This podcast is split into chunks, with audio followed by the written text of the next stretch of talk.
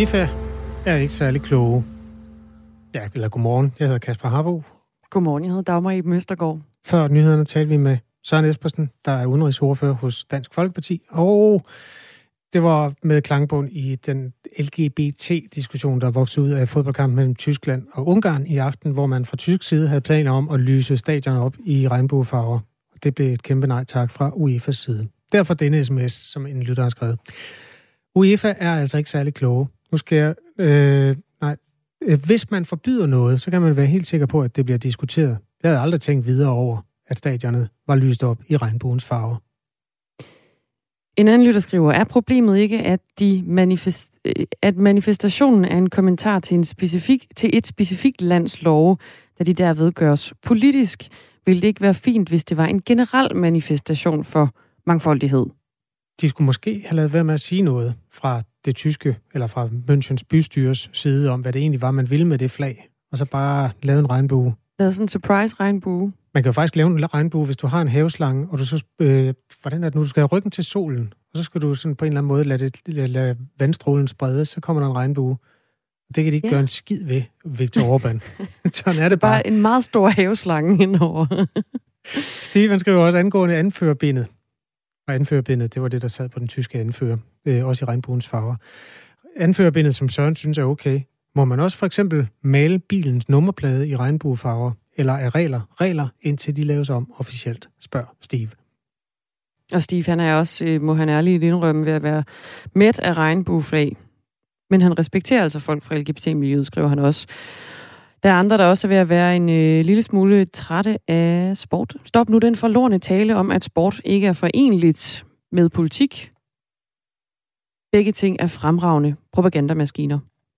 Det er ikke engang løgn. Mm. Det er ikke første gang. Godt. Jamen, øh, klokken er syv minutter over otte.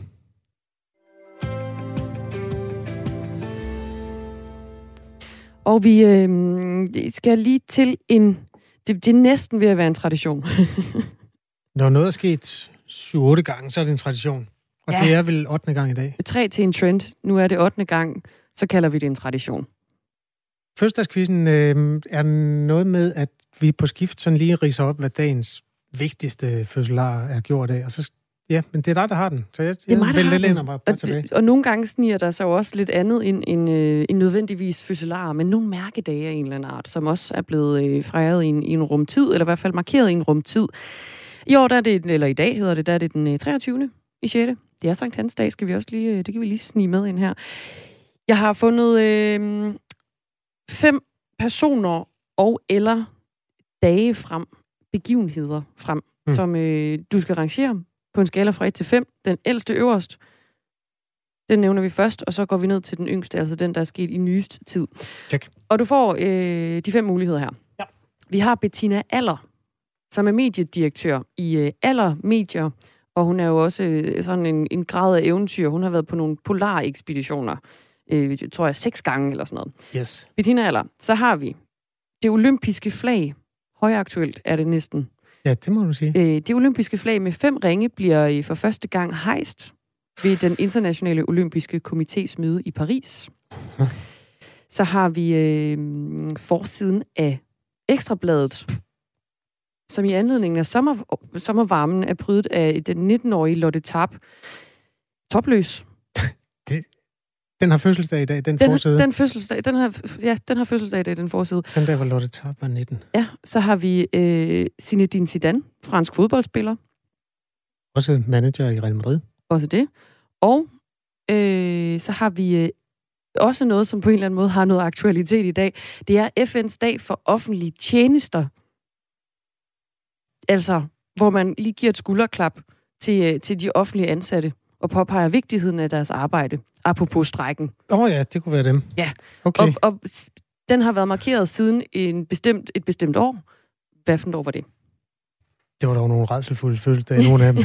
FN's klap din øh, Klap din offentlige ansatte. skulderen, okay. Jeg aner ikke, hvor gammel den dag er. Det, det vil jeg sige, der, der føler jeg mig fuldstændig smidt under okay, bussen. Den er også lidt udfordrende, den her måske. okay. Nå, men jeg gætter på, lad os se, Lotte, det er nok 60 år siden, Lotte Tarp var 19 år. Øh, æret være hendes minde. Zidane, han er jo 47. Hvor gammel er Bettina Aller? Hun er et sted i 50'erne. Jeg ved ikke, hvor gammelt det olympiske flag er. Var det i forbindelse med OL i Paris? Og det var, var det øh, i forbindelse med det internationale olympiske komités møde i Paris. Der hejser man det for første gang. Hmm. Og så klap, klap din tjenestemand på skulderen en dag. Jamen, for himlens skyld, Dagmar. Hvornår, hvordan skal jeg vide, hvor gammel den dag er? Øhm, jeg kan sige det inden for det her årtusind. Åh, det var pænt af dig. Mm. Det var pænt. Det var så det er lille, det Det så var det en lille, lille hjælper. Godt. Jeg siger, at af disse dejlige ting, der er det dog immer væk det olympiske flag, der er ældst. Og det er helt rigtigt. Tak skal du have. Det blev hejst i 1914. Det er 107 år gammelt. På anden pladsen anbringer jeg den øh, forsiden på Ekstrabladet med den 19-årige Lotte Tarp på. Det, det er faktisk ikke, den er ikke, den er ikke helt... Øh, er det Bettina Aller? Det er Bettina Aller. Er hun så... Øh... Hun har simpelthen to år på den forside. Hun er født i 1962. Nå, det bærer hun nydeligt. Så hun er 59 år, eller Yes. Og så er det 57 år siden Lotte Tarp. Som 19-årig topløs prydet forsiden af Ekstrabladet i anledning af sommervarme.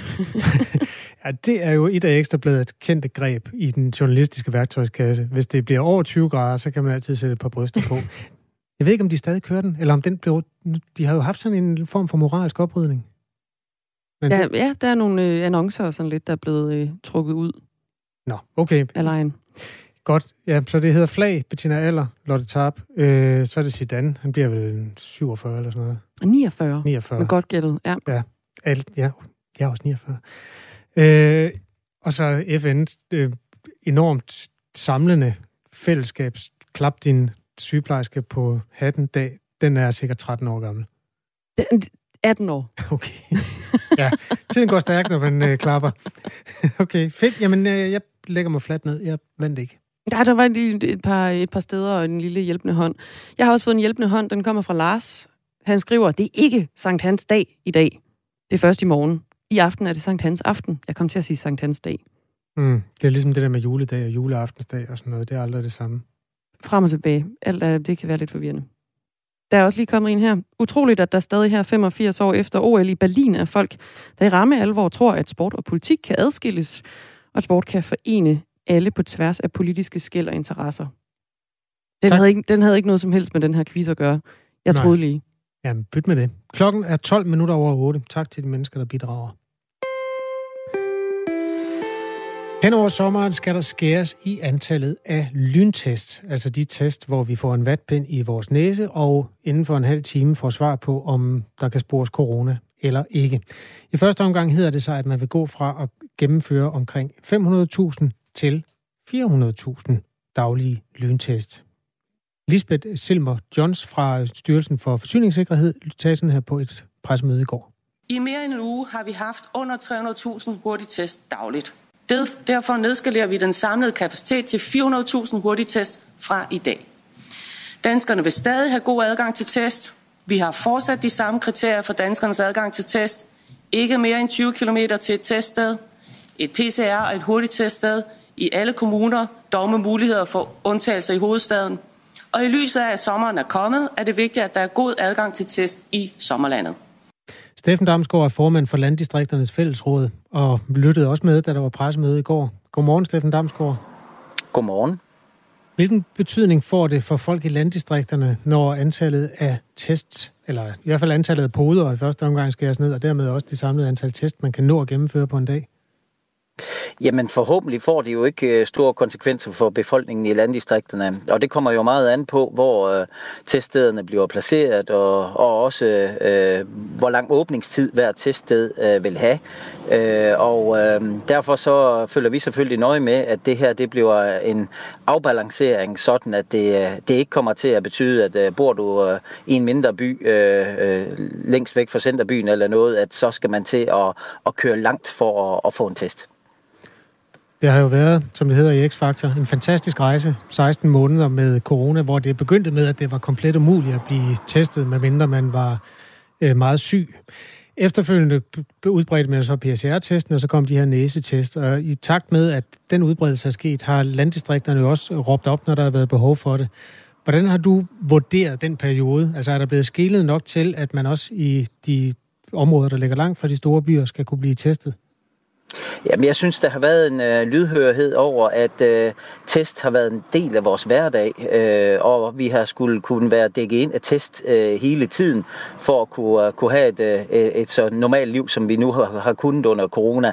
Øh, og det har betydet, at øh, hvis man er i et område, øh, så, så er det altså svært at få en hverdag til at fungere, hvis man skal køre 30 øh, km for at, at få en test, og så tilbage øh, igen. Øh, så derfor har det været vigtigt, at øh, man har haft en, øh, kan man sige, en finmaske øh, net af testcentre, sådan at man kunne have så normal en hverdag som muligt, hvor man skulle testes, øh, og både kunne passe sit arbejde, sit fritidsliv, og få det til at fungere i, i hverdagen. Der har været steder, hvor diskussionen har været, om det har dækket godt nok, både i forhold til afstanden, som der nu bliver sagt med, med 20 km, og det har man gjort en stor indsats for, at der skulle kunne overholdes, men det har også været vigtigt at sige, at den finmaskede Øh, net, man, man så fik oprettet, at den, skulle, øh, den, den var vigtig afgørende for, at, øh, at folk øh, ikke fravalgte for eksempel at gå ud og, og, og, og spise eller fritidsliv eller andet, øh, men at man kunne have så normal en hverdag som overhovedet muligt.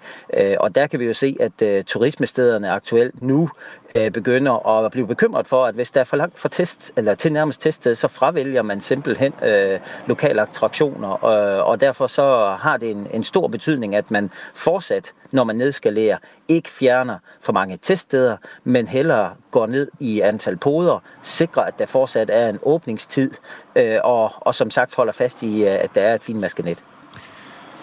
Der bliver lukket testcentre i alle de danske regioner. For eksempel Region Midtjylland har meldt ud, at man vil lukke 21 teststeder, teststeder i løbet af de kommende uger. Kan man lukke 21 teststeder i en region, uden at det kan mærkes? Nej, det kan man ikke, men øh, går man ind og kigger på de øh, teststeder, man har foreslået, så ligger en øh, stor del af, af teststederne faktisk øh, i øh, de større byer, hvor man øh, der må, må køre øh, lidt længere for at få en test. Man simpelthen øh, har, får færre teststeder. Man går selvfølgelig, eller ikke selvfølgelig, man går faktisk også ind og opretter to nye teststeder, som er for at tilgodese områder, hvor øh, der normalt er mange turister, både danske og udenlandske, i, øh, i sommerlandet. Både en i, øh, på Djursland og en i, øh, i Vestjylland. Øh, men der er der også steder, hvor, hvor det er øh, mindre provinsbyer, hvor man nu går ud og, og lukker lukker teststedet, og, og det er jo der, hvor øh, vi skal nærmere ind og kigge i, hvor, er, hvor langt skal man så køre for at, at, at kan få sin test. Øh, er det sådan, man skal ud på en længere køretur og tilbage igen øh, flere gange om ugen, så ved vi godt, at det, øh, det påvirker ens adfærdsmønster, og nogen får måske også mest af alt lyst til at se, om man kan undgå at tage den, og, og lige hvor vi er nu, så, øh, så er det jo ikke, øh, det er jo ikke den adfærd, der, der er behov for.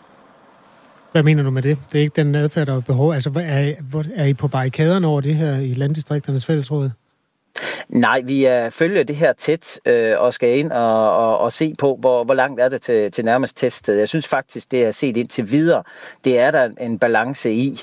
Øh, men det er jo via at, at, at få en dialog om, øh, om øh, de forslag, der ligger, at vi øh, jo kan påpege, hvis der er nogle direkte uhensigtsmæssigheder i, hvor langt der er til nærmest teststed, når man går ind og, og lukker. Men, men indtil videre ser jeg en, øh, en, en balance.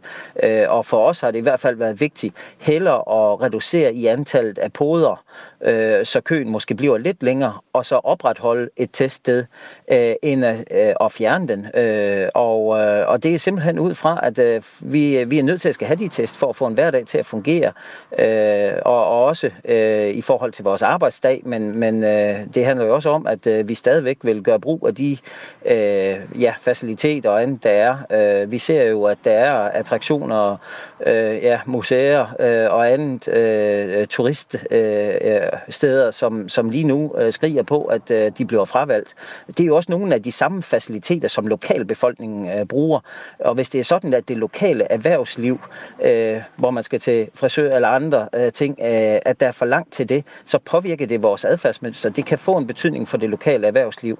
Så det kigger vi selvfølgelig i dybden på nu, men øh, indtil videre ser det heldigvis ud i Region Midtjylland til, at der er en balance, så man har kigget ind i, er der nogle teststeder i de lidt større byer, man kan reducere antallet af, sådan at det her det ikke bliver kun landdistrikterne, der kommer til at skal holde for.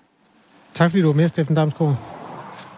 Velbekomme. Formand for Landdistrikternes Fællesråd.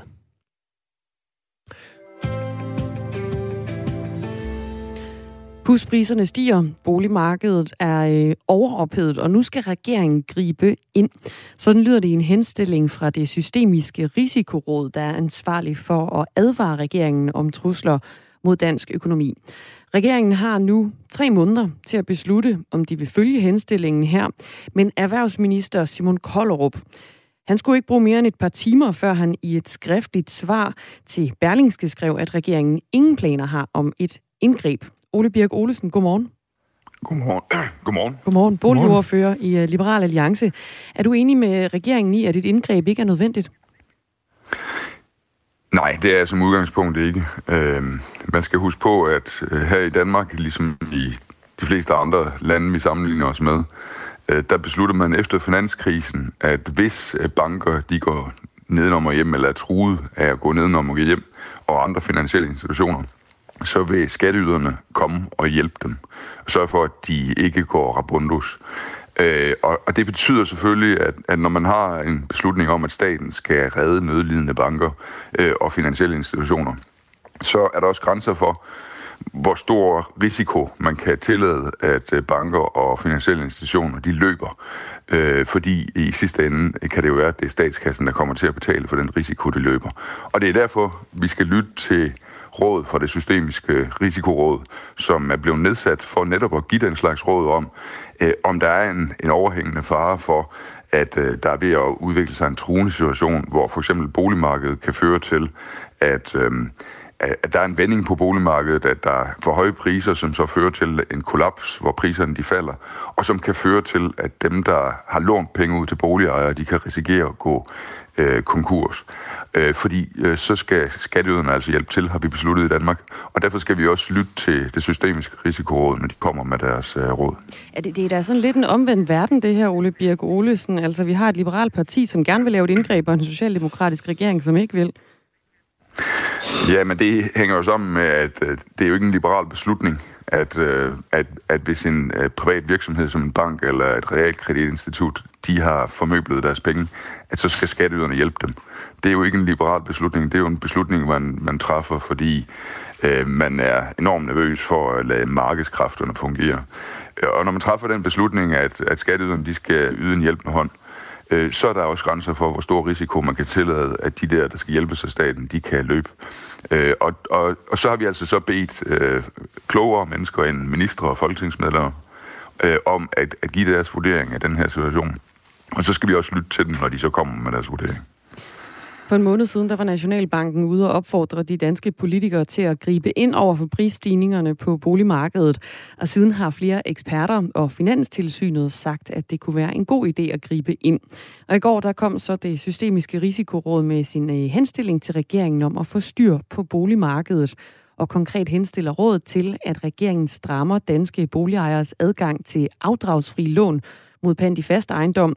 Tiltaget det indebærer, at danske boligejere ikke kan optage afdragsfri realkreditlån eller realkreditlignende banklån mod pant i fast ejendom, hvis boligens belåningsgrad den overstiger 60 procent. Hvad vil være det rigtige indgreb, i, som øh, Risikorådet er, er, er kommet med i, i dine øjne, Ole Birk Olesen? Jamen, det lyder som et, øh, et udmærket og mildt forslag, at man siger, at øh, afdragsfri lån, dem må man kun tage, hvis man kan stille med 40% af købsummen selv. Hvis man kun kan stille med for eksempel 20% af købsummen selv, så skal man ikke have lov til at tage et afdragsfrit lån. Og, og det, det er jo fordi, hvis du har nogle oppustede priser, eller på vej til nogle oppustede priser, og man forestiller sig, at det hele vender, ligesom det gjorde ved finanskrisen i øh, 2007-8 stykker, øh, så, så hvis, hvis folk de har øh, Øh, 40% opsparing i boligen i forhold til det, øh, de har købt den for. Altså, de, de, de, har, de stiller med 40% af prisen selv. Så, så er der jo ikke nogen risiko for, at, øh, at, at boligen ikke kan sælges til det, der øh, man har lånt til boligen. Øh, fordi folk har jo stillet med 40% selv. Så, og, og man kan ikke forvente, at, at priserne falder mere end 40% i hvert fald. Så det, det piller noget risiko ud af det, hvis man, hvis man siger, at folk skal stille med 40 procent selv. Og det, og det er måske det, vi har behov for. Det er i hvert fald det, som det systemiske risikoråd siger. Det er, at øh, vi skal pille den her risiko ud af det. Og, Øh, og når de siger det, og det er et forholdsvis mildt indgreb, øh, så synes jeg, det er svært at sige, nej, det øh, skal vi absolut ikke. Men jeg er klar over, at for regeringens vedkommende, så handler det mere om bare at være populær, end at gøre det rigtige. Det ser vi på mange, mange områder, at regeringen hellere vil gøre det, der er populært, end det, der er rigtigt. Og derfor så siger regeringen jo bare nej. Ja, du har jo selv siddet i regeringen, så du ved lidt om det, Ole Birk Olsen. Ja, men vi var anderledes. Nå, okay. Øhm, jeg skal lige høre her, fordi det, det er jo en socialdemokratisk øh, regering derude, og, og sige, der kommer ikke til at komme et indgreb her. Omvendt så står I, Liberal Alliance, I plejer jo at være et, sådan, i en vis tillid til markedskræfterne. Kan, uden sådan den politiske drilleri, men bare sådan helt undrende, spørger jeg dig, hvordan kan det være? Altså, jeg forstår det ikke.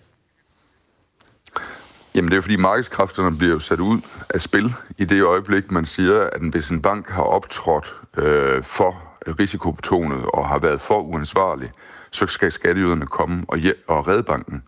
Det, der har man jo besluttet, at de markedskræfter, som gælder øh, normalt for private virksomheder, der optræder uansvarligt, at de markedskræfter, de skal sættes ud af spil.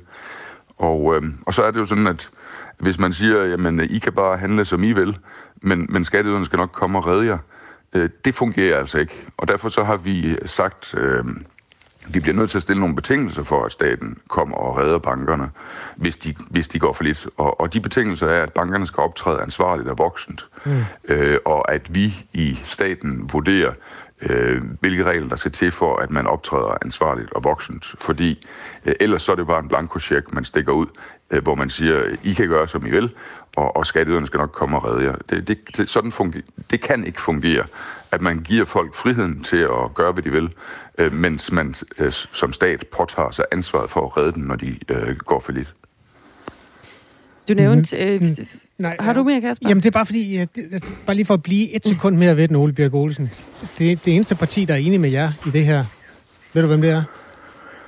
Uh, ja, det, det er, ja, jeg ved godt, og det er jeg også lidt nervøs over, at enhedslisten siger, at de er, de er enige med os, fordi uh, vi er normalt uenige om alt. Uh, og jeg tænker, at, uh, at vi nok også er uenige om det her, når det kommer til stykket, men at de har, har nogle begrundelser, der, der hænger sammen med, at de ligger langt til venstre, som, som jeg ikke lige kan gennemskue.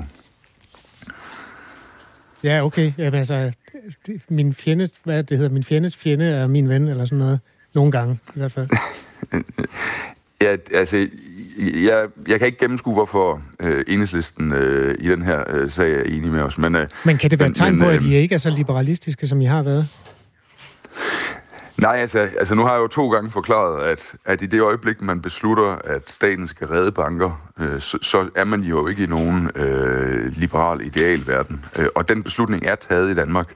Okay. Og derfor har man også taget den beslutning, at så er der grænser for, hvor uansvarlige bankerne må optræde, fordi øh, vi vil ikke stille statskassen til rådighed øh, for øh, banker, der bare øh, er meget uansvarlige. Og okay. derfor Jamen, er der sat okay. nogle, nogle regler for, ret. hvad de må gøre. Du har forklaret det rigtig godt. Undskyld, jeg afbryder, men det er fordi, vi, det, vi skal lige nå et spørgsmål. Med. Vi har lige et enkelt spørgsmål øh, ekstra her, Ole Birke Olesen, boligordfører i Liberal Alliance.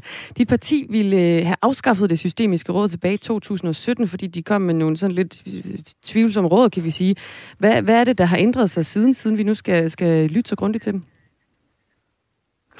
Det lyder som noget, øh, Joachim B. Olsen, øh, han sagde, dengang han var erhvervsordfører for vores parti. Øh, og der var det ikke jeres tror jeg ikke, at... Øh, yes, det, det er ikke noget, jeg kan erklære mig ind i. Altså, så længe vi har en, en, en, en stat, der stiller øh, hele statskassen til rådighed for bankerne, hvis de optræder uansvarligt, så bliver vi også nødt til at have en vurdering af, øh, hvornår de optræder uansvarligt, og hvornår de optræder ansvarligt. Øh, det bedste øh, ville være, efter min mening, at vi tillod banker at gå for lidt.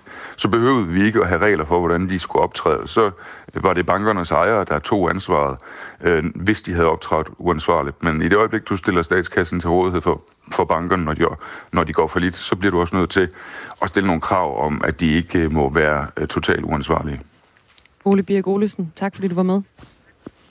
Selv tak. Ole ordfører i Liberal Alliance. Ja, og øh, tidligere hed erhvervsordføreren på de kanter jo, altså Joachim B. Olsen, han kom ikke til at sidde i Folketinget øh, efter valget. Og det lyder som om Ole Bjerg Olsen havde det okay med det. Ja. Der er nyheder med Thomas Sand de næste fire minutter. Det, der, det er jo altså Radio 4 morgen med Dagmar i Østegård, Kasper Harbo og Thomas Sand klokken halv ni.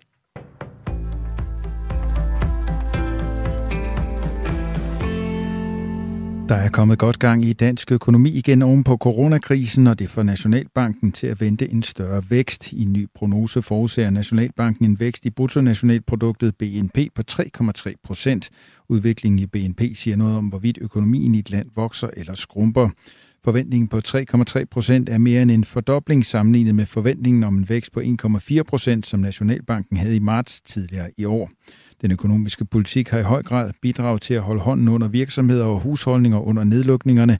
Aktiviteten er vendt hurtigt tilbage efter genåbningen, og efterspørgselen er stærk, siger Nationalbankdirektør Lars Rode i en pressemeddelelse. Over 40 lande opfordrer i en fælles erklæring Kina til at lade uafhængige observatør, observatører rejse til regionen Xinjiang. Her skal de have lov til at undersøge meldinger om omfattende menneskerettighedskrænkelser af det muslimske mindretal uikurerne, lyder det.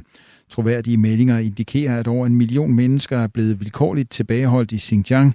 Der er også meldinger om omfattende overvågning samt rettet mod uigurer og medlemmer af andre minoritetsgrupper samt restriktioner på fundamentale frihedskrav og uighur-kultur, står der i erklæringen. Det blev læst op i FN's menneskerettighedsråd af Kanadas FN-ambassadør Leslie Norton.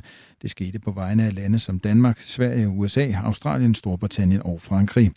Ifølge de i alt 44 lande skal missionen til Xinjiang ledes af FN's højkommissær for menneskerettigheder Michelle Bachelet. Hun har siden 2018 forsøgt at få adgang til regionen. Lederne af militærstyret i Myanmar takker Rusland for at styrke landets militær. Venskabet mellem Rusland og Myanmar er blevet stærkere og stærkere, tilføjer han. Henrik Møring har mere. Takket være Rusland er vores hær blevet en af de stærkeste i regionen, siger general Min Aung Lang til Ruslands forsvarsminister Sergej Shoigu under et møde i Moskva.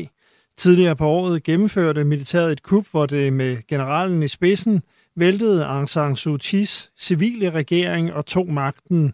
Rusland har bakket op om styret og har advaret vestlige lande mod at indføre sanktioner mod det. Min Aung Lang er i Moskva i forbindelse med en tre-dages sikkerhedskonference, der blev indledt tirsdag. Generalen har holdt møde med blandt andre chefen for Ruslands statslige organ for våbeneksport. Siden 1. februar har Myanmar været præget af protester og modstand mod militærkuppet. Militæret har i stigende grad slået hårdt ned på protesterne. Det har kostet mindst 870 civile livet. Da britterne for præcis fem år siden stemte for at forlade EU, blev der skrevet historie. Det siger den britiske premierminister Boris Johnson forud for femårsdagen. Ifølge Johnson har Brexit allerede vist sig som en succes for Storbritannien, da aftalen tilladt, har tilladt landet at genvinde kontrollen med penge, lov og grænser. Flere af fremskridtene er dog ifølge premierministeren blevet bremset af den igangværende coronapandemi. Derfor vil Brexit først rigtigt komme til sin ret, når Storbritannien er ovenpå efter pandemien, siger Johnson. Nu hvor vi er ved at komme os efter pandemien, vil vi udnytte det reelle potentiale i vores genvundne suverænitet og forene hele vores nation. Beslutningen om at forlade EU er nu en del af vores historie, men vores klare mission er at udnytte de friheder, der det har bragt til at forme en bedre fremtid for vores folk, siger Johnson. I midlertid siger veteranpolitikeren Michael Heseltine, der er tidligere vicepremierminister og præsident for Europabevægelsen i Storbritannien, at Brexit er det modsatte af, hvad landet havde brug for under og efter en pandemi. Fem år senere er Brexit langt fra færdigt. Det er kun lige begyndt, og prognoserne er ildevarslende, siger Heseltine. Mest tørt og først skyde mange steder, men i løbet af dagen kommer der perioder med lidt eller nogen sol. Temperaturer mellem 16 og 23 grader.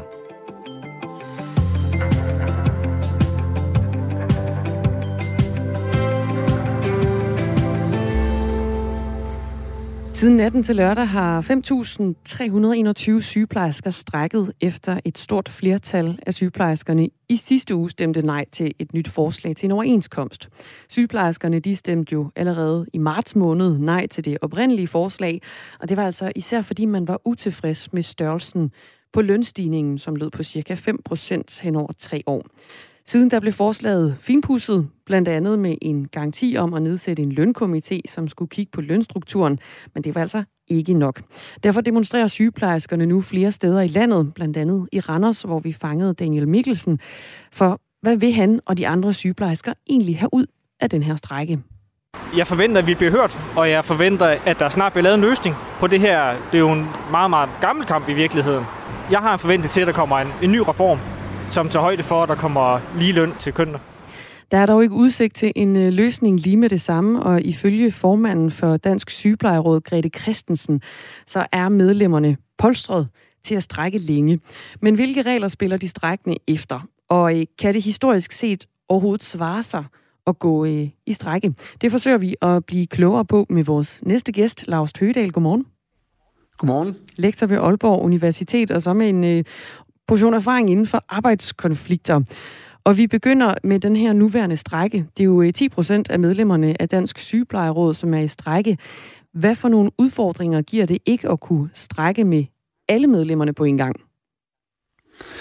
Ja, det er rigtigt. Der er 10 procent, der er udtaget til øh, konflikt. Altså, Dansk Sygeplejeråd kunne godt udtage øh, flere. Men øh, det, der generelt er sygeplejerskernes øh, store udfordring, det er, at vi har nogle ret skrappe regler om det her nødberedskab på deres område. Og det er fordi, at vi selvfølgelig skal undgå, at konflikten kommer til at gå ud over almindelige mennesker i sådan grad, at det kan koste liv. Så vi holder gang i kraftafdelinger, vi holder gang i skadestuer osv. Og det betyder også, at at konflikten ikke kan være altomfattende, som, som det kan på, på andre områder. Og det sløver øh, sygeplejer, sygeplejerskernes øh, konfliktvåben noget. Ja, fordi hvad bliver Pondus så, når det kun er en ud af 10, der kan, reelt kan strække? Ja, det er klart, altså det, det kan betyde flere ting. Altså det ene, det er jo, at man ikke øh, kan lægge det maksimale pres på, på arbejdsgiverne. Øh, vi så jo, sidst sygeplejerskerne var i konflikt, det var i 2008, at øh, konflikten faktisk løb i, øh, i ni uger, og der nærmest kom jo en, en hverdag på hospitalerne, hvor tingene gled nogenlunde normalt, selvom der var konflikt. Så, så, så det kan blive en af konsekvenserne, at, at konflikten godt kan muligvis trække ud. Sygeplejerskerne stemte nej til en øh, lønstigning på lige over 5,5 procent over de kommende tre år. Og beskæftigelsesminister Peter Hummelgaard har afvist politisk indgriben i den her konflikt og sagt, at konflikten må gå sin gang. De her øh, 10 procent af, af sygeplejerskerne, hvem har, hvem har sørget for at udpege dem til strække? Det gør øh, deres øh, fagforening, Dansk Sygeplejeråd. Øh, det er dem, der laver konfliktvarslet, og det er også dem, som, som tager de sygeplejersker ud, der skal i konflikt. Og de er så udvalgt, så de konflikter i, i hele landet på, så, altså på alle arbejdspladser, sådan at både arbejdspladser og regioner er repræsenteret i, i konflikten. Og når man er på sådan en, en strække, hvad, hvad kan man så? Altså kan man øh, gå på almindelig weekend, eller er det et fuldtidsarbejde også, og et weekendjob og, og, og være i strække? Ja, så det er det i, øh, i udgangspunktet. Det kommer lidt an på, hvordan man, man arbejder. Altså noget af det, som, som mange jo tænker på, det er her, hvad, hvad med sommerferien? Og, og der er reglerne altså sådan, at øh, hvis man har påbegyndt sin ferie, inden konflikten går i gang, så skal man afholde sin ferie. Men hvis nu konflikten kommer til at række ind i der, hvor man har planlagt sin ferie, også selvom den er godkendt af arbejdsgiverne, jamen øh, så kommer man til at være i konflikt, og så må man finde ud af at afholde sin ferie efter konflikten konflikten. Det er i hvert fald sådan, reglerne er øh, i udgangspunktet. Hvordan den her strække, vi, øh, vi ser nu, Lars Tøgedal, hvordan vil du sammenholde den her strække med de strækker, vi tidligere har set herhjemme? Kan man trække tråd mellem dem? Ja, det kan man godt. Altså, det er jo ikke øh, første gang, sygeplejerskerne er i, øh, i strække. De øh, har prøvet det flere gange i nyere tid. tre gange i løbet af 90'erne og senest i, i 2008. Det, der måske er det særlige den her gang, det er, at sygeplejerskerne er kommet i konflikt øh, helt alene. Det vil sige, at der er ikke andre faggrupper, der også er i strække. Det er udelukkende sygeplejersker. Men, men de har prøvet det før, og på den måde er det øh, bestemt ikke en, en ny situation for, for sygeplejerskerne. Og hvad, hvordan landede den egentlig der i 2008? Var det en, en, en gunstig strække, kan vi kalde det? Ja, det er et godt spørgsmål. Altså, øhm, i 2008, der var sygeplejerskerne i konflikt, og det var socioassistenterne og pædagogerne også, men, men lige præcis på sygeplejerskernes område, der kom konflikten til at løbe rigtig længe.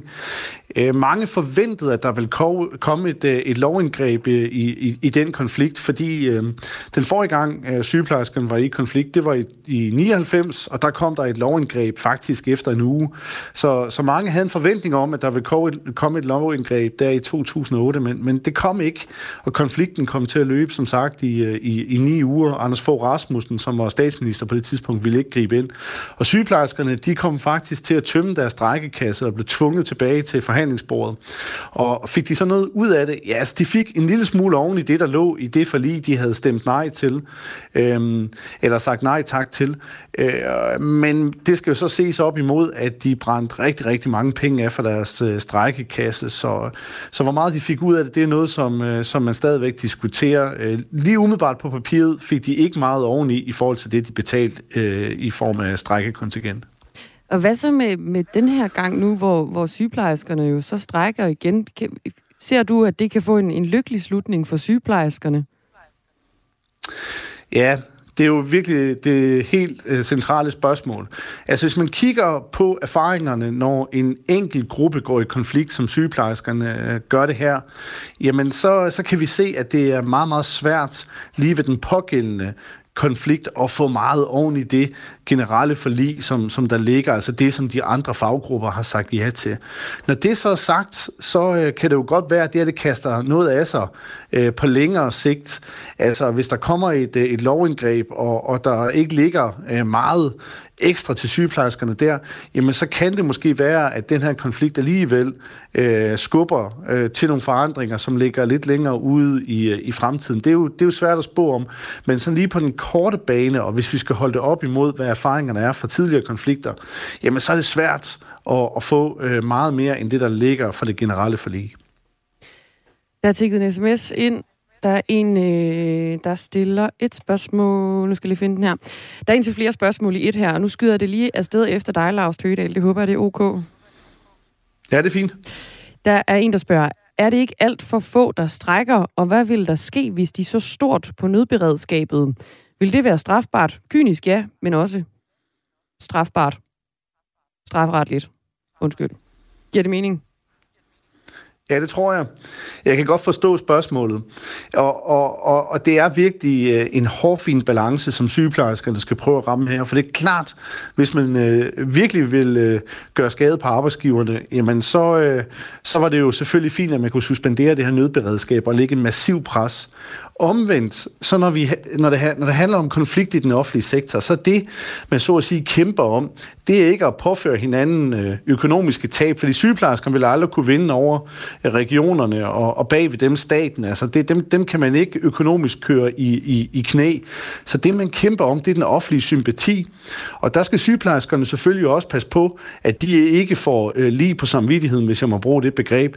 Fordi konsekvensen ved at begynde at skære i nødberedskab, det vil jo være, at øh, der er øh, folk, øh, almindelige mennesker, altså tredjepart, som kommer i, øh, i klemme. Og hvis nu øh, at, det, at de konsekvenser øh, bliver, øh, så at sige, tørt af på øh, sygeplejerskerne, så kan de jo også stå i en situation, hvor de mister offentlig sympati, og det vil faktisk øh, skade deres øh, muligheder for at komme øh, ud som sejrsherrer i den her konflikt. Kan det også risikere at, at tvinge dem tilbage på arbejde?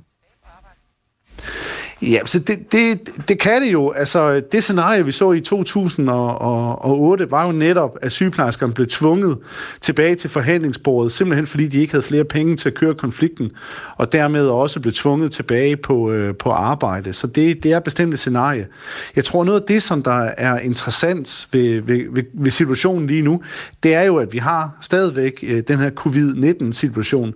Øhm, og jeg er selvfølgelig ikke sundhedsekspert, men, men, men man kan formode, vide, at vores sundhedsvæsen på en eller anden måde jo er en smule sårbart, fordi vi stadigvæk har de her forskellige variationer af, af, af den her øh, af, af, af den her sygdom, som, som er i, i samfundet, og som muligvis potentielt kan, kan presse vores sundhedsvæsen. Så, så der er selvfølgelig særlig hensyn omkring corona i forhold til, hvor længe den her konflikt kan køre i, i sundhedsvæsenet også. Lars Høgedal, tak fordi du var med. Selv tak. Lektor ved Aalborg Universitet, altså med en god portion erfaring inden for i arbejdskonflikter.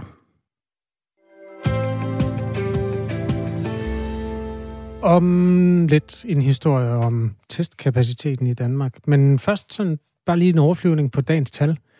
Ja. Dagens tal er 10 coronafrie kommuner. Ja. Det vokser hele tiden. Kan Forleden var det syv, tror ja, jeg. Ja, lige præcis for at blive coronafri i den her forstand, statistiske forstand, så skal der altså have været en uge, hvor der ikke var nogen positive test. Og det gælder for 10 kommuner. Det har længe været sådan, at øerne har haft nemt ved at holde sig på nul, men nu er det, der er mange fastlandskommuner, imellem Lemvig, Bilund, øh, Stævns, Sønderborg, Kærteminde. Stadig ingen sjællandske kommuner, men øh, ja, det kunne, der kunne vi godt udsætte en lille præmie, måske. Hvilken øh, Sjælland... Nej, Stævns, det er sgu da på de kanter i hvert fald. Er det ja. Sjælland, eller er det London? Det er jeg faktisk usikker på. Oh, Google lige det, Dagmar. Jeg, jeg googler Stævns. Øh, ja, i mellemtiden, så kan jeg oplyse, at øh, der er 67 mennesker, der ligger på sygehuset. Og det er jo altså i den helt fredelige afdeling i forhold til de røde flag, der blev hejst for det meget omtalte sygehusvæsen i coronapandemiens start på det skrækkelige pressemøde, hvor alting blev lukket ned. 67 mennesker ligger på sygehuset. 18 af dem er på, på intensiv og har det altså rigtig skidt på grund af deres corona. Men der er også nogen, der er i den fredelige afdeling. Og nogle af dem er jo også bare indlagt i anden, altså anden øh, sammenhæng brække ben eller noget lignende, men har så en positiv coronatest med sig. De tal de øh, bliver mere og mere fredelige for hver dag, der går. Hvor ligger Stævns? Stævns, det ligger lige syd for Køge. Okay. jeg tager, undskyld, det var simpelthen en ringe geografisk præstation herfra. Men tilbage til Stævns. Den kan vi begge to tage hatten på for. Ja, der er en kæmpe præmie på vej til Stævns. Øhm, den første fra Stævns Kommune, der, øhm, der sender en mail til KHA, radio4.dk, øh, får en personlig lykønskning. Et øh, underskrevet kort, øh, underskrevet af hele redaktionen. Skide godt.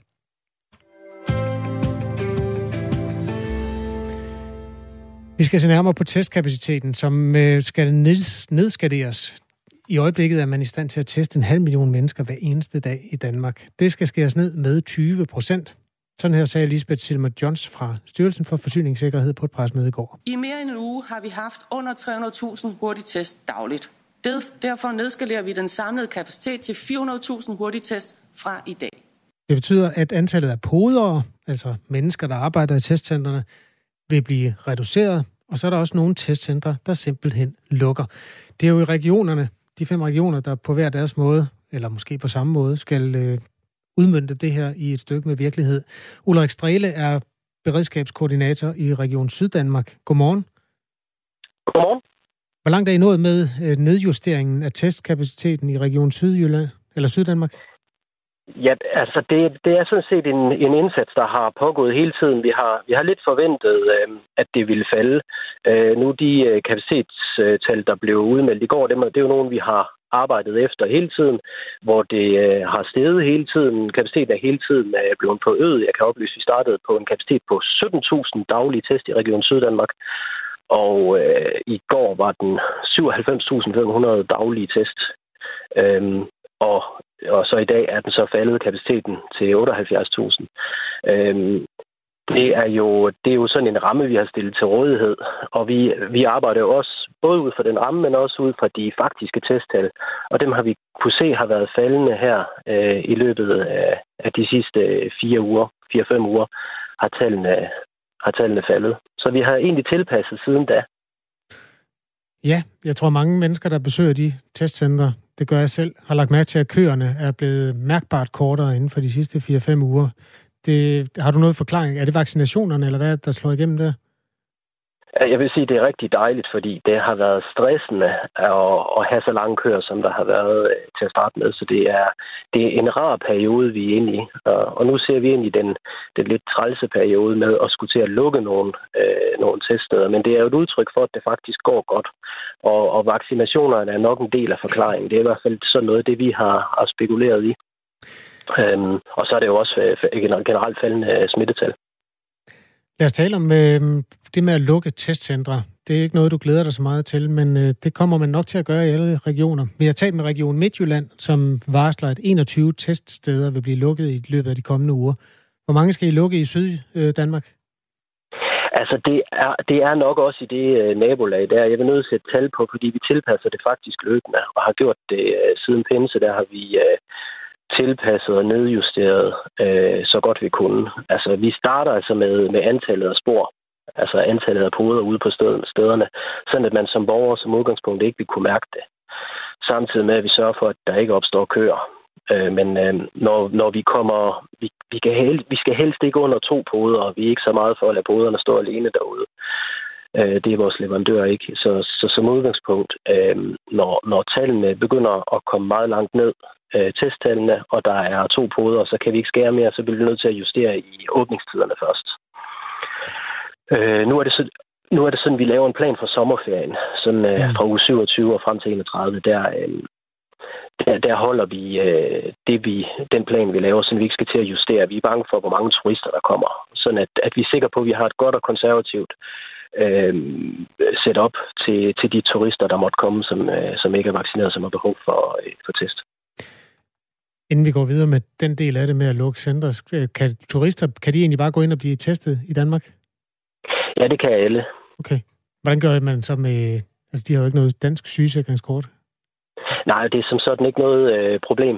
Øh, man skal bare have et øh, telefonnummer, man kan oplyse, så får man et, øh, et svar på, øh, på sin telefon. Okay. Og hvis man ikke har en telefon, så kan man få et stykke papir. Øhm, tidligere på morgen, der talte vi med formand for Landdistrikternes Fællesråd, Steffen Damsgaard. Han er bekymret over, at man øh, har planer om at nedjustere, fordi han er jo ikke blind for, at det er de mindste steder, og også nogle gange dem, de byer, der ligger længst fra de store byer, der vil blive ramt af nedskaderingen af antallet af testcentre. Han siger sådan her. For os har det i hvert fald været vigtigt hellere at reducere i antallet af poder, øh, så køen måske bliver lidt længere, og så opretholde et teststed, end at, øh, at fjerne den. Øh, og, øh, og det er simpelthen ud fra, at øh, vi, vi er nødt til at skal have de test for at få en hverdag til at fungere. Ja, øh, Ulrik Strele, altså beredskabskoordinator i Region Syddanmark. Hvordan vil I opretholde den her maksimale afstand på 20 km til nærmeste testcenter, hvis man skal begynde at lukke nogle af dem? Altså, vi har jo indgået en kontrakt med, med Kærling, så de er, øh, det er sådan set det, vi arbejder hen efter øh, hele tiden. Øh, det er jo udgangspunktet, at der skal være de der øh, 20 km max. Øh, og, og, og det er også det, vi arbejder efter, og, øh, og, og det er bestemt realistisk. Altså, de ligger væsentligt tættere, øh, som det er nu. Øh, så altså, jeg kan godt øh, love, at vi kommer ikke op øh, på, det, på den afstand øh, på den her side af, af august-september i hvert fald. Vi har en kontrakt, der løber frem til 9. Øh, august. Okay. Og der kan du love, at øh, folk skal ikke køre længere end 20 km for at blive testet? Ja, ja det kan jeg godt. Det er det setup, vi, øh, vi laver nu. Øhm, og så vil jeg gerne lige sige også, at, øh, at vi har jo også vores øh, PCR-testcenter, hvor der hvor der ikke er udnyttet kapacitet, og der har man jo mulighed for at, at booke i forvejen og prøve at, og, øh, at få en test der. Det er jo øh, et noget mere sikkert testsvar, man svarer for, og det, det gælder også i længere tid. Ja, men det kommer også lidt senere, gør det ikke det? Hvis vi endelig skal reklamere for PCR-testen, så er der en leveringstid på 24 timer, som jo så går fra den øh, tid, de, de kan bruges. Ja, det er korrekt. Og altså, vores, vores gennemsnitlige svartid på, på PCR-test, det er 13 timer. Men det er rigtigt, det kommer senere, og, og, og derfor er det, da, at det er mere øh, bekvemt at tage en, en hurtig test, hvis man skal på, øh, på restaurant. Det sagde altså Ulrik Strele, som er beredskabskoordinator i Region Syddanmark. Tak til dig. Velkommen. Og var med til altså, at illustrere det, der sker på nationalplan i alle regionerne.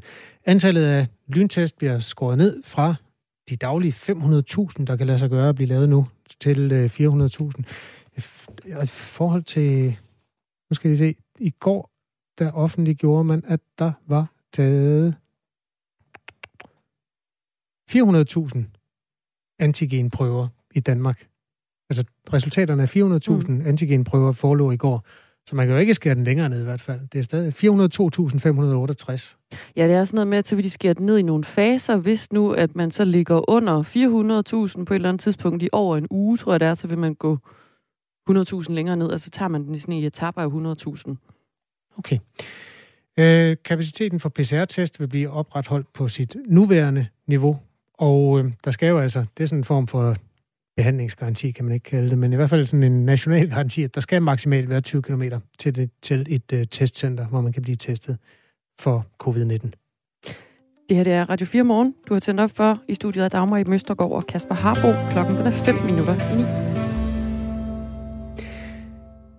Jeg vil godt lave en nekrolog over en mand, der har levet hele sit liv i radioen og ved højtaleren. Han hed Geo Darumbo rimelig farverigt navn. Ja. Sådan lidt... Øh, man, Rumbo. Mandrilagtigt. øhm, han valgte det selv. Okay, det ja. vidste jeg faktisk ikke. Jo, det har han selv bestemt, han vil hedde. øh, en dag, hvor han lagde noget af sit gamle liv bag sig. Det kan jeg komme til. Geo, han var en øh, blind mand og en virkelig original mand. Og så havde han altså bare den, jeg ved ikke, om der findes en officiel rekord, men han havde i hvert fald den uofficielle rekord for at medvirke i flest radioprogrammer i hele Danmark. Det kan være, at nogen har stiftet bekendtskab med navnet jo så, Jamen, det er, hvis man lytter med derude. det er et godt brand jo, Ja. der er Rumbo. Og det, det er faktisk uanset, hvilken radiokanal man har tændt for. Hvis der var åben for lyttere, så, er der, så har der igennem ja, 45 år været enormt god chance for at høre Geo Darumbo fra Valby. Han har også øh, ringet ind til flere af de programmer, som jeg har været vært på, og nogle gange ringede han også på andre tidspunkter, også øh, uden for øh, sådan sandetid, for lige at komme med inputs, eller måske for at snakke lidt. Jeg har også haft en øh, god snak med Georg Darumbo. Ja, hvad snakkede jeg om? Det var noget input til en historie, vi havde, hvor han lige havde en, øh, et ekstra indspark, som han synes, vi skulle kigge nærmere på. super engageret mand, mm. og, og det fantastiske ved ham at han har altid behandlet også radioværter som sin nærmeste familie. Altså, der er ikke sådan en eller anden distance. Han ringede simpelthen, det I sagde i radioen, det kan man gøre bedre på den og den måde. Mm. Nå, om sidste år, så ringede han simpelthen til mig og fortalte, at han har fået uhelbredelig kræft. Og så kom vi frem til, at vi skulle lave et interview, som også blev bragt i radioen, hvor jeg fik noget af hans livshistorie. Ved du hvad, jeg gjorde det første gang, da jeg var 10 år. Der var det noget meget, meget sjovt. De troede, jeg var en voksen mand, fordi mine spørgsmål, de var måske meget, meget voksenagtige. Og sådan noget. Jeg ringede både til udenrigspolitik, og jeg ringede til det, der hedder øh, P- Pia og Peter Borgvart. Og jeg øh, ringede til, øh, altså det var klassisk musik, der var om aftenen på, på, på P1 mellem, mellem 22 og 24. Og jeg ringede til kritiske spørgsmål, noget der hedder efterkritik til DR. Jeg ringede til udenrigspolitiske programmer. Jeg ringede, men det var meget sjovt. Jeg var 10 år, og de sagde de til mig, da de ringede op. Så sagde de goddag, og så mit navn. Ja, nu stiller, nu stiller jeg et mind til studiet. Har de husket at slukke deres radio, og så videre, og så videre. Nu kommer de ind her lige om lidt, og om, om dem i studiet, de anede ikke, at jeg var 10-12 år. Og jeg ringede til Tine Bryl og fortalte om min familiesituation. Og hun sagde, jamen altså, jeg forstår dig udmærket, fordi den eneste, jeg havde det godt med, det var min farmor. Hvad har radioen betydet for din måde at finde livsmod på? Altså det, at du har ringet ind til alle de programmer gennem tiden? Allan Mortensen lavede engang en sang, der hed Mit liv og musik. Hvis jeg skulle lave en sang, der skulle den hedde, så skulle den hedde Mit, mit, mit liv og radio. Fordi det er simpelthen været hele mit liv. Altså havde jeg levet i 1600 et eller andet, eller 1400 Grønvidgård, eller hvad det hedder, ikke? Så øh, havde jeg, da- aner jeg da ikke, hvad jeg skulle lave. Ja. Det er fra sidste år, det her. Som Geo var inde på, så havde han måske ikke verdens øh, fedeste barndom. Det var lidt... Øh, ja, det kunne godt lyde lidt dysfunktionelt, noget af det, han fortalte. Det bøvlede i hvert fald. Men hans måde at tage sig selv i terapi på, det var simpelthen at ringe til alle verdens radioprogrammer. Eller i hvert fald alle Danmarks. P1 og P2 og P3 og P4. Og Radio 24 der hørte jeg ham en gang i øh, nattevagten. Ja. Det er jo sådan et sted, hvor der er god plads. Meget god, God tid. bane for Ja. ja. Geo at spille på. Der ringede han ind og fortalte, at han aldrig havde rørt ved et andet et menneskes ansigt. Jo. Og, og verden, øhm, Dudu, hun blev meget sådan berørt af det, og inviterede Geo til at komme ind og røre ved hendes ansigt. Fordi så kunne de ligesom leve det ud der. Men det var Gjorde bare, han det? Nej, han sagde, kæmpe nej tak. Han skulle overhovedet ikke røre ved nogen. Så når jeg siger mig ikke noget, det der interesserer mig, det er folks stemmer. Og hvordan de virker, om de er ærlige, om de er oprigtige, om de er hjælpsomme, om de er kærlige, om de er... Altså alt det der med, om du har langt lyst hår, det, jeg kan jo ikke se det alligevel, om du er mørkhåret eller hvad du er. Altså, hvordan, om, om, om du har langt hår, eller om du har lyst hår, eller om du har korte bukser, om du har lange bukser, om du har rød eller hvid skjorte, eller så, sådan noget siger mig ikke en lyd. Men, men, men det der med at røre ved andre mennesker, det har jo ikke noget med farver at gøre. Altså, det er jo en, en fysisk ting, ikke? Det har aldrig interesseret mig. Dyr har heller aldrig interesseret mig. Sport har heller aldrig interesseret mig. Der er nogle ting i livet, der ikke interesserer mig. Det er okay. Ja, de her lydbider, det er som sagt fra et interview, jeg lavede sidste forår, da det stod klart, at Geo han var uhelbredelig syg af kræft, og øhm, også skulle dø af det. Og han var faktisk, sådan, som man kan høre, altså han var sig selv, og han var egentlig også ret afklaret og tapper i forhold til sygdommen. Ja, altså, jeg har ligesom nået, hvad jeg skulle, synes jeg nok ikke. Altså, øh, fik du set det, du ville? Fik du hørt det, du ville? Øh, Mm. Alt muligt. Øh, jo, det, jeg, har, jeg har nået det, jeg skulle. Georg Rumbo, han blev 58 år. Han døde for halvanden måned siden. Det er sin sag. Da, Ja. Altså, når en tidligere statsminister dør, så står alle jo i kø for at fortælle, hvor fantastisk han var. Jeg kan mærke, det her det, det var lidt vigtigt for mig at fortælle øh, om Geo. Altså, fordi han er, det, der skal sgu da noget mod til at være øh, den eneste i Danmark, der er sådan der. Ja, I har også haft et længere bekendtskab jo så. det må man sige. Fred være med ham, skriver en af vores lyttere. Ham kendte jeg godt helt tilbage fra barndommen, da min far arbejdede på Blindeinstituttet på Rymarksvej. Det bliver min far ked af at høre. Kærlighed til Geo bare. Alle radiolyttere husker ham jo, så det er da ren mindeværdig kærlighed. Det der Harbo. Bare god stil, skriver Mads ind. Nå, men tak for post. Tak for input. Og tak fordi du har hørt Radio 4 morgen. Der er mere Radio 4 på den anden side af nogle nyheder. Det er Ring til Radio 4. Her er det nyheder med Thomas Sand.